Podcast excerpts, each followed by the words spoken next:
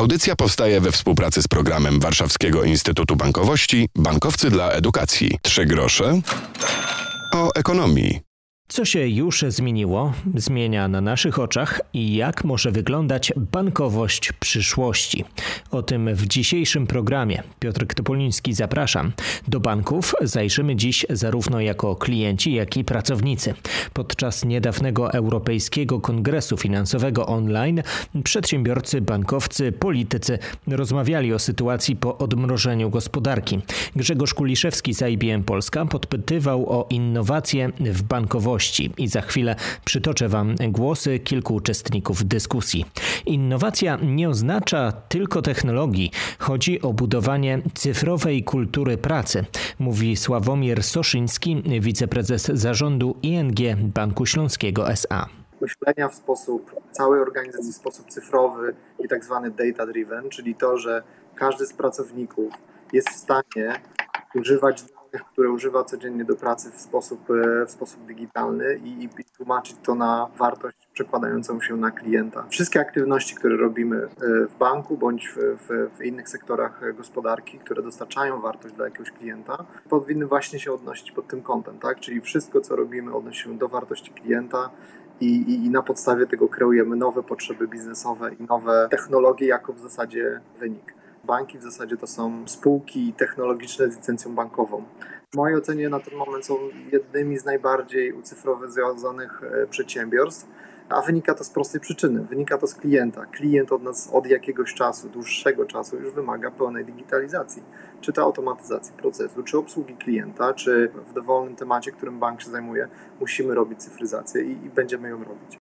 Bankowcy podkreślają, że mamy bardzo zdolnych inżynierów. W ciągu tygodnia udało się przestawić na pracę w internecie około 20 tysięcy osób w skali całej e, globalnej spółki. Co COVID zmienił, mówi Monika Płocka, dyrektor Nordea Banku gdy zostały tylko ten świat wirtualny, to nagle trzeba było zrewidować e, tę, całą platformę narzędziową, którą używamy do pracy zdalnej.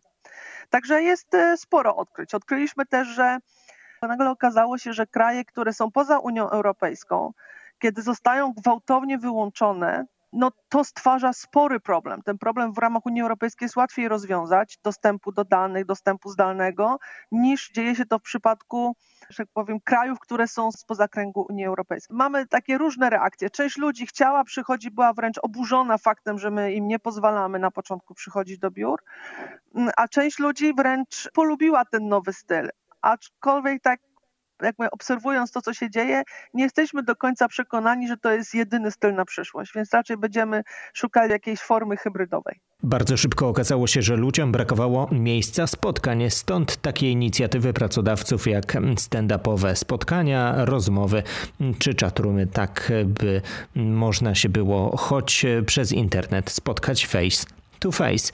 Zmienił się też e, na przykład sposób planowania pracy, bo jednak spotkania przy biurku to jest inna energia. W dzisiejszej audycji o innowacjach w bankowości zostańcie z nami. Trzy grosze o ekonomii. Praca banku w nowych warunkach to temat dzisiejszej audycji. Gdy budynki biurowców przestały być pełne ludzi i wielu przeskoczyło na pracę zdalną, my pytamy, jak zmieni się w najbliższym czasie praca w tym sektorze. Podczas Europejskiego Kongresu Finansowego online jeden z gości, Jaromir Pelczarski, wiceprezes zarządu BNP Paribas Bank Polska SA, podkreślał, że praca banku to dwa wymiary to, co bezpośrednio robimy dla klienta poprzez sieć, czy bankowości detalicznej, czy bankowości korporacyjnej i nasza obecność y, no, cały czas póki co na tym etapie rozwoju naszej cyfrowej cywilizacji, ta fizyczna obecność według mnie jest potrzebna. Nie jest możliwe przeniesienie wszystkich aspektów do przestrzeni cyfrowej. To znaczy, my jako banki możemy, tylko pytanie, czy klienci by rzeczywiście byli z tego zadowoleni. Bank to oczywiście jest wszystko to również, co gdzieś jest rozumiane z tymi centralami, tam gdzie do tej pory mieliśmy w wielu instytucjach, które już poddały się cyfrowej transformacji, Mieliśmy tam swoich proroków, którzy mówili agile, wszystko jest cyfrowe, wszystko jest w jednym miejscu i tutaj ten nasz e, tribe czy squad musi pracować razem. I ten agile at scale trochę przeszedł do układu agile at Skype czy, czy, czy Zoom, czy, czy jakakolwiek inna platforma. Po pewnym takim momencie zachuśnięcia się tym, że tak można, również nastąpił taki moment refleksji, czy rzeczywiście wszystko w taki sposób jest możliwe do zrobienia i, i czy, czy to jest najlepsza formuła. Ja osobiście uważam, że jest możliwa praca w układzie hybrydowym i wiele tych rzeczy, które do tej pory były mówione, że muszą być w budynku, w jednym miejscu, możemy robić zdalnie, co otwiera kapitalne możliwości dla ludzi z IT, dla ludzi z różnych geografii, że te nasze kompetencje mogą być w tej chwili łączone i po prostu teamy mogą pracować wirtualnie. Natomiast bardzo ważny jest wątek pracy w kontekście budowania relacji, zaufania, emocji. I uważam, że do tego biura my powinniśmy wracać, żeby być ze sobą i, i poczuć tę bliskość i to, że tworzymy rzeczywiście jedność w myśleniu. W dużej mierze to przejście na pracę zdalną z mojego punktu widzenia było tak gładkie i łatwe, ponieważ te teamy się znały i my ze sobą pracowaliśmy. Pytanie, czy gdybyśmy musieli zbudować te teamy od zera w tym układzie pracy zdalnej, czy to byłoby równie tak łatwe, skuteczne i czy dałoby takie same efekty? Ja uważam, że nie wrócimy do takiego układu jak wcześniej jeden do jeden. Na pewno będzie jakiś model hybrydowy. Ja stawiam przede wszystkim na relacje ludzkie, międzyludzkie i na budowanie nie tylko aspektów technologicznych, ale również takich interfejsów human to human. Za chwilę zapytamy o to, co zmieni się w najbliższej przyszłości, zarówno w pracy banku, jak i w naszym podejściu do odwiedzania placówek bankowych.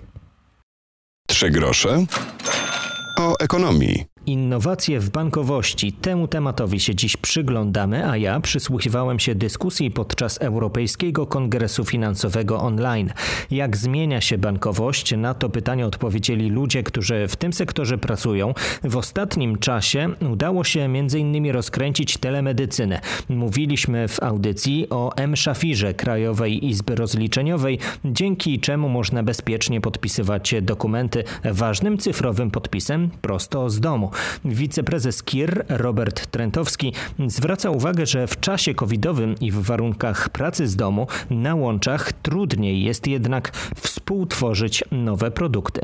Musimy się nauczyć rozwiązań hybrydowych, to znaczy część zespołu jest na miejscu, część zespołów jest zdalnie, a może mówimy o wariantach, w których jesteśmy na miejscu w trzech różnych lokalizacjach, a oprócz tego trzy osoby w domu i tak powinniśmy pracować czas kryzysu, czy może nie tyle kryzysu, co jakichś wyzwań, które pojawiają się na rynku, w tym przypadku covidowym, to jest czas, w którym zaczyna się myśleć o optymalizacji, zaczyna się myśleć o nie tylko takim typowym cięciu kosztów, ale zmianie organizacji pracy.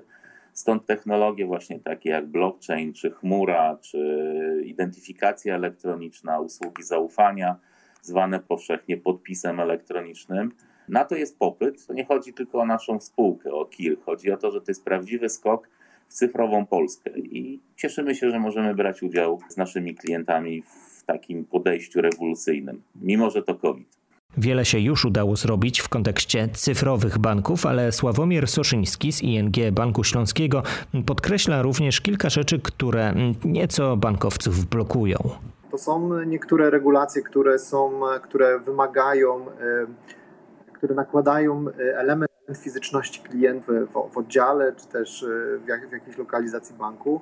I mam tutaj na myśli oczywiście samą obecność, jak i złożenie podpisu. I to przykładów można pewnie mnożyć dużo. Z takich większych to na pewno jest to, co każdego z nas w pewnym momencie dotyka, to jest na przykład cyfryzacja procesu kredytu hipotecznego. I w tym momencie no, klient musi niestety pojawić się w oddziale zależy mi na tym, żebyśmy mogli zmienić tą regulację, tak żeby tą cyfryzację dalej kontynuować, żeby de facto wprowadzić troszkę fintechowych banków w taki sposób, że klient nigdzie nie musi ruszać się poza obszar swojej kanapy i używania komórki do przeprowadzania wszelkich rzeczy, które potrzebuje od banku. Rola oddziałów za jakiś czas również się zmieni. One staną się raczej takimi centrami edukacji i wealth managementu dla klientów niż takiej typowej obsługi retail, aczkolwiek to jest raczej długofalowy trend. Nadal jednak mimo wszystko klienci lubią pójść do oddziału. To bardzo zależy też od trendów demograficznych. Młody człowiek mimo wszystko woli komórkę, starsze pokolenie, no mimo wszystko woli tą fizyczność w oddziale i, i lubi odwiedzić branż, dostać dobrą kawę i porozmawiać z bankowcem. Myślę, że to szybko się nie, nie zmieni. Przypomnę, że w podcaście Trzy grosze o ekonomii znajdziecie m.in. szczegóły dotyczące projektu M-Szafir. Zachęcam do szukania naszej audycji na swojej ulubionej platformie z podcastami. Zresztą do tych cyfrowych rozwiązań i ich bezpieczeństwa na pewno będziemy jeszcze powracali. Dodam tylko, że na www.efkongres.com znajdziecie całą debatę ekspertów oraz inne rozmowy, których tematem była bankowa nowa rzeczywistość. Piotr Topoliński dziękuję za dziś. Zachęcam do odsłuchania podcastu Trzy grosze ekonomii i słyszymy się w kolejnym programie. Do usłyszenia. Audycja powstaje we współpracy z programem Warszawskiego Instytutu Bankowości Bankowcy dla Edukacji.